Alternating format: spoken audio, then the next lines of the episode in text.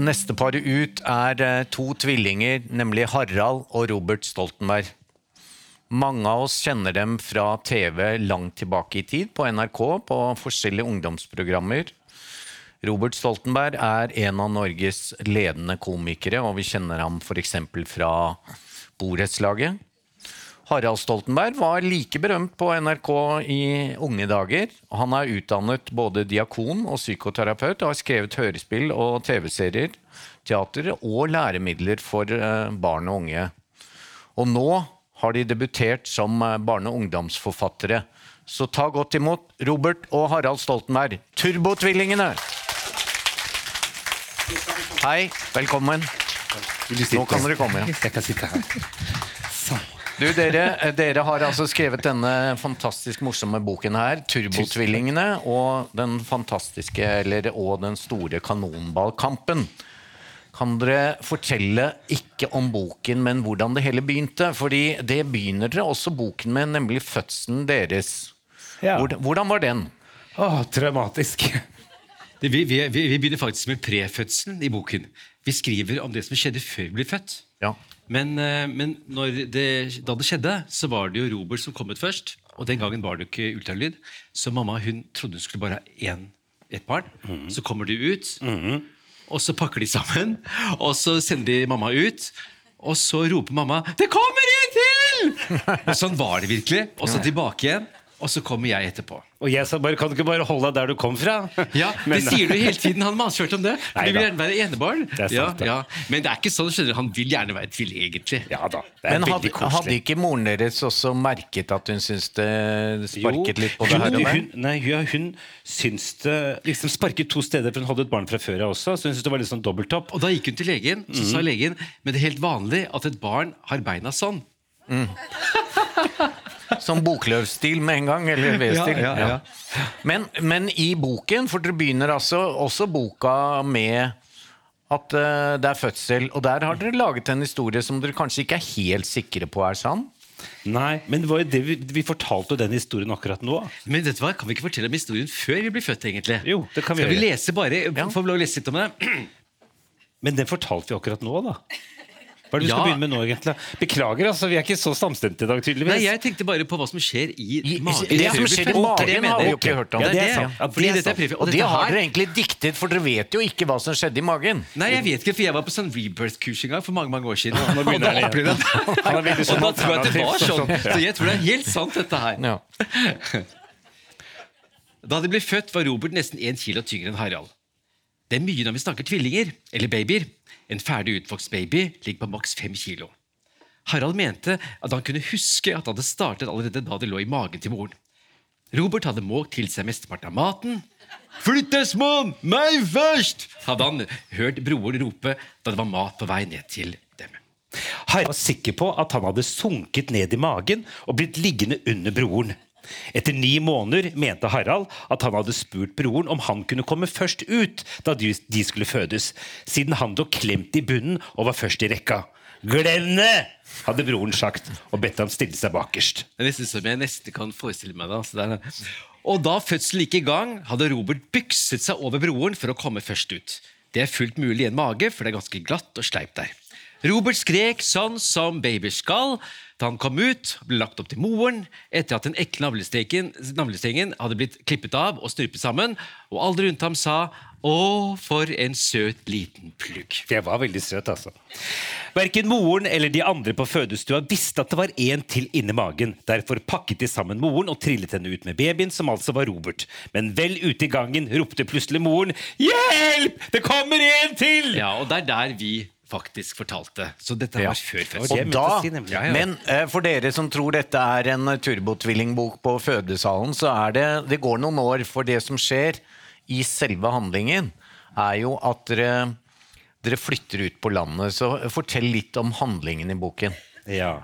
Den er jo den, altså, den er på en måte selvbiografisk, men også Men det er fiksjon, så vi har pyntet litt grann på i virkeligheten. Men jeg vil si at det er mer virkelighet enn fiksjon, egentlig. Absolutt. For vi tenkte om vi skulle skrive boka, skal, vi, skal det være en fiksjon? Nei, vi er altså så sprø og barndom, egentlig, at vi kan eh, basere på den egentlig istedenfor.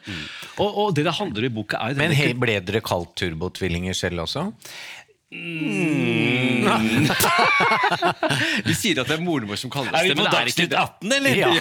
Det Dere skal ikke grilles, nei. Det er akkurat det. Nei, nei, vi, vi, blir kalt for tvillingene hele tiden. Vi var liksom, vi var tvilling, tvilling, tvilling. Men det er som Harald sier at Vi bodde i byen og trivdes veldig godt der. Og så fikk vel moren det for, oss, for seg at vi skulle flytte på landet. Eh, så det å komme fra byen som vi elsket å bo i, vi hadde masse venner, vi elsket å spille teater, hadde det egentlig veldig gøy. Og kommer ut der på landet, så ble det et kjempekultursjokk. Ja, og, og I boka beskriver vi det. Vi kommer til skolen, og det er eh, første dag i klassen. da, eh, Og så eh, spør læreren Ja, kan dere fortelle litt om dere sjøl, kanskje? Og vi sier ja, vi liker å spille teater, sier vi. Og så sier læreren ja, det var spesielt. For her ute, her spiller vi kanonball! og det var virkelig sant. Vi hadde kommet til kanonballene, det må man si. Det var jo kan du på mange måter mye mer sånn røffere, litt sånn tøff eh, si, miljø der ute, egentlig. Så vi prøvde å, å liksom eh, innfinne oss og liksom tilpasse oss, så det har vi blitt ganske gode på. Men vi fortsatte å å turbofisere som vi gjorde. Vi spilte teater, og vi holdt på, liksom. Så jeg tror nok de andre syntes vi var ganske rare. Men jeg kan ikke si at vi blir mobbet eller ertet, men vi, vi holdt på. Men jeg, jeg, jeg følte sånn noen ganger at, at de andre i rennet var sånn Hvor kommer disse marsboerne fra, liksom? Ja. De sa sånn, for eksempel Å, dere snakker så pent! Pent! Vi kommer fra Tveita. Det var sånn her, eh, og, så, og så spilte vi jo teater, da. Og så, og en gang så var det sånn at Nei, hva skal vi gjøre med disse tvillingene? Og da hang de oss altså opp på sånne knagger. Utenfor klasserommet. Og Ja. det er virkelig sant. Det ble vi. Vi ble Det hengt står opp også der. med i boka, da. Ja. Så vi hang der og dingla, og så tenkte vi sånn Ja ja, det er vel sånn de gjør her ute. Henger folk på knaggen. men, men det som skjer i boka, det er jo at Sølvi, som er den store mobberen, men også ja, hun er vel er noe? Hun er mester på skolen i kanonball. Hun utfordrer oss til å være med i den store turneringa, og da sier vi ja. Og så må vi lære oss å spille kanonball. Og det er kampen i boka. Hvordan skal vi klare det? Vi har aldri spilt kanonball før. Og det som er skummelt i boka, er jo også at det har vært en der før som kom og skulle spille Ja. kanonball. Og hva skjedde med han? Han blei borte. Han forsvant. Så det er på en måte litt sånn underliggende Det er for å lage litt motor i boka. Da, sånn at eh, han, eh, Det var også en nyinnflytta gutt. Fordi nabo det, det er et veldig hyggelig par som heter Sigle og Rudolf, som bor på nabogården. Dette er jo langt ute på prærien, egentlig, følte vi når vi kom hit. Vi hadde jo aldri sett ei ku.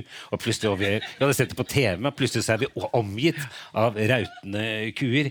Eh, men de var veldig søte, de som bodde på den nabogården. Sigrid og Rudolf, og det heter i boka også. Og eh, de Jeg husker ikke hva jeg skulle si. Men Jo, var, de, de, tok oss Nei, men de, de, de blir også med og hjelper oss, for de lager Ja. sånn en eh, ja, Det hjelper oss, det? De lager en maskin, nærmest. En møkkaspreder som de kan kaste En sånn ut på. gjødselmaskin, er det ikke ja, det? som, som, som vi bruker. Ja, Så, ja, de, så de putter ka- så vi- Det går sånn Og vi dukka, og, og, så de hjalp oss veldig, egentlig, til å Så det også. er liksom nøkkelen til å bli god i kanonball, det er å ha en gjødselspreder på lag. ja. ja, absolutt. Men, men for å være litt alvorlig også, for det handler om Ja. utenforskap også. egentlig. Det handler om at vi, for det er jo, altså, det føles som veldig sånn lettvekt akkurat nå, det handler om å overleve der ute på landet. Og vi brukte teater som verktøy, kan man si. Vi spilte teater hele tiden, faktisk. Og jeg kom til å tenke på rett før vi kom nå i dag, tenke på den der, vi var med i en sånn talentkonkurranse, og det var veldig langt ut. Det var ikke Fetsund, det var Hemnes, Hemnes i Høland. Da var det sånn talentkonkurranse. Fetsund er liksom New York i forhold til det stedet jeg var der ute på, egentlig. Det er langt ut, altså. det er langt ut Da var det sånn talentkonkurranse, og Robert og meg vi var med. Og vi var med i det ble kalt for kabaret- og teatergruppa. Vi var vel eneste Det var det eneste som var med på den. kategorien. Det var det, det var det. Og det var bare rockemusikere, og det var skikkelig. Og så vant vi vi, vi dro hjem før selve premieutdelingen, og så fant vi ut at vi hadde vunnet alt sammen. Vi vant hele Reima-prisen, og da tror jeg det var sånn, litt sånn gjennombrudd for oss, egentlig. Da skjønte vi Jo, jo, at da var det faktisk ja, men, jeg tror, jeg tror vi, vi skjønte ikke hvor populære vi egentlig var der ute. Det skal Men ikke være så Harald, dette Det kan bli eh, neste bind. Vi må jo snakke litt hva Ja, som skjer ja, ja, i ja. boka her. Ja, det er det. Fordi, det var fordi, sånn digresjon. Det ja, eh, Fordi, eh, Fortell litt, fordi bibliotek er ofte viktig, og her er det Ja. også at de opplever eh, Hvordan i all verden kan vi lære noe om kanonball? Og biblioteket, fortell om det. Å ja. Hvis ikke dere skal lese for akkurat det. Kanskje vi skulle bare lese det Nei, for at Ja. det, er en, og dette også riktig, det var en sånn bokbuss som kjørte rundt der ute. Eh, så vi løp ned til den bokbussen og spør om å få låne en bok om kanonball. Men de er selvfølgelig lånt ut, eh, fordi dette er jo kanonballene. Så vi får låne en tsjekkisk bok om kanonball.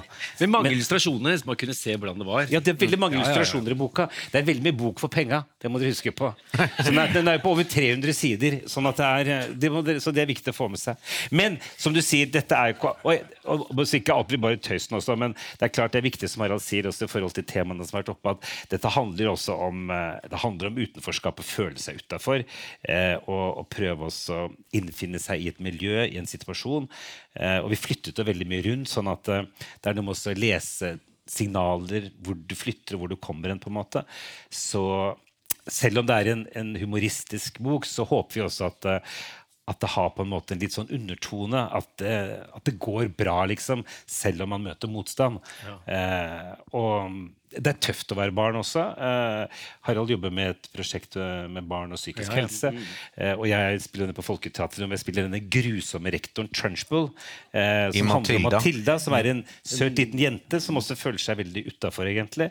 Som er et løvetannbarn som vokser opp med grusomme foreldre, men finner voksenpersoner som på en måte ser henne, og som får henne til å føle seg hel. Så ja, vi er liksom litt eh, i landskapet. Og apropos rektor Ja, jeg tenkte å starte I boka så er det, det er en forferdelig gymlærer som heter Gorm G. Men det er også en rektor som heter rektor Bang. Og alle er jo opptatt av kanonball. Og Vi har lyst til å bare lese en liten sekvens derfra. For å høre hvor forferdelig han er. Det forteller mye om kanonballene, dette her. Frøken Gile spratt opp. Alle, reis dere opp for rektor, sa hun. Og på 1, 2, 3 hadde elevene stilt seg opp bak pultene sine. Harald og Robert også. Den eneste som ikke viste min til å reise seg opp, det var Sølvi Sølvi er liksom bølla i, som er liksom den store kanonballstjerna. og kretsmester. Ja. Bare bli sittende, Sølvi. Du må spare på kreftene til kanonballturneringa, sa rektoren og skjøv det lange, fete håret sitt vekk fra ansiktet. Han hadde en stor busemann i nesa, og på skjortebrystet hans hang det noe som så ut som restene fra gårsdagens middag. Kokt torsk med grønn ertestuing. Bare noe spesielt vi kunne gjøre for, for rektoren i dag, sa frøken Gile høytidelig. Jeg kom bare for å ta en titt på disse nye killingene, sa rektoren. Klassen fniste. Killingene! Rektor mener kanskje tvillingene istedenfor. Ja, selvfølgelig, svarte han og prøvde å gjøre et byks med rullatoren for å få den over dørterskelen. Rektor Bang stakk det store kritthvite trynet sitt helt opp i ansiktene på tvillingene og åpnet munnen med de mørkebrune tennene, og en stinkende ånde skylte over dem. Det luktet som en slags blanding av gammel kål, tran og blåmuggost. Tvillingene var på nippet til å kaste opp, men klarte å holde seg. Er du glad i kanonball, da? spurte han guttene. Robert skyndte seg å svare før Harald sa noe dumt. Vi elsker kanonball, sa han. Det sa de ikke i går! De sa at kanonball var barnslig! kom det kjapt fra Sølvi. Det var ikke akkurat det de sa, ymtet frøken Gile forsiktig, men ble kontant avbrutt av rektoren igjen. Han ristet energisk på rullatoren mens han lekset opp for tvillingene. Denne skolen er tuftet på kanonmannens prinsipper, unnfanget, grunnlagt og bygget på Konrad Jørpesens spillemønster. Norges beste kanonballspiller gjennom tidene. Husk det! Sa han og tørket bort en rand av brunt spytt som rant nedover haka. Salutt for kanonballens prinsipper! avsluttet han, og så gjorde alle elevene det samme. De rettet seg opp i ryggen og ropte i kor. Salutt! Salutt! Salutt! Salutt til dere. Eh, la oss snakke litt om eh, hvordan dere har jobbet sammen. Altså, dere har jo jobbet sammen i mange mange år, men hvordan har dere faktisk skrevet denne boken sammen? Det har vi gjort sånn litt eh, Vi har skrevet hver for oss, og så har vi møtt faktisk på Deichmanske her i Oslo og, og snakket sammen. Det har gått veldig bra i forhold til hva vi har gjort før. Da vi jobbet sammen, da krangla vi veldig mye. Nå har vi kranglet mye mindre. Jeg tror egentlig vi syns det er litt morsomt også. Ja. Det er veldig gøy å skrive. Det synes jeg, jeg synes det har vært veldig, veldig morsomt. Vi skriver sånn, eh, vi, vi har beskrevet sånn et par kapitler hver, og så sender vi det til hverandre. Og så, har du kommet sånn, ja, og så har man liksom bygget på videre, egentlig. Så i utgangspunktet så hadde vi ikke Vi hadde ikke egentlig sånn, et ferdig, en ferdig skisse på begynnelse og slutt, egentlig. Eller kanskje begynnelse og slutt, men ikke alltid imellom. Men så, også liksom så er det rart. Når man begynner å skrive, så, er det på en måte, så planter man én ting der, så ser man at det kan på en måte få brukes senere som en forløsning til noe annet i historien. Så det er jo sånn, Rent dramaturgisk så er den liksom riktig bygd opp, men samtidig så er det mye sånn innfall som gjør at man bare baller på seg. Det som jeg synes har vært veldig morsomt da, i forhold til å skrive, det er jo at, at når man skriver noe, så er man liksom ferdig med det.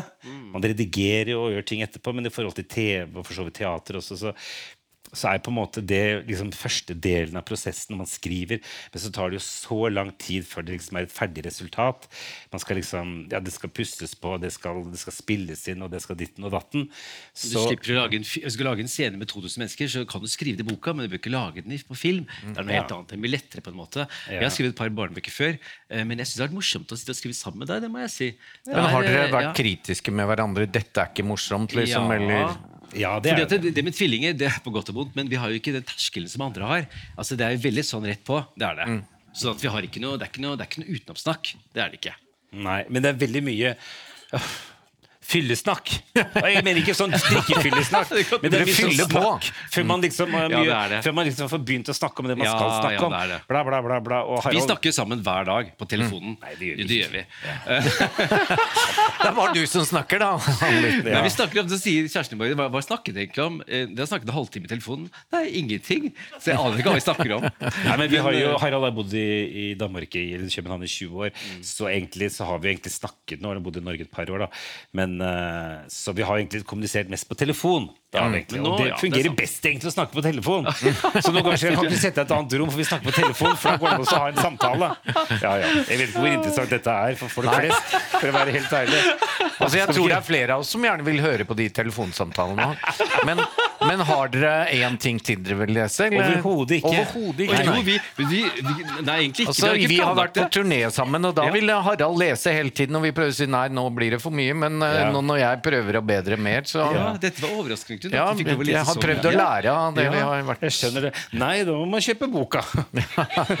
Og det jeg tenker på med boka, er nettopp at det, det, det man sier jo hva er altså aldersgruppe og sånn, det er jo 69 da, når man går i bokhandelen. Men, men egentlig så er det 60-99, og det sier man ofte. Men det er den virkelig. For det er masse humor for voksne, og det er en høytlesningsbok, ikke minst. Så jeg vil tro at den egentlig passer for alle. Nei, det syns jeg ikke. Den passer.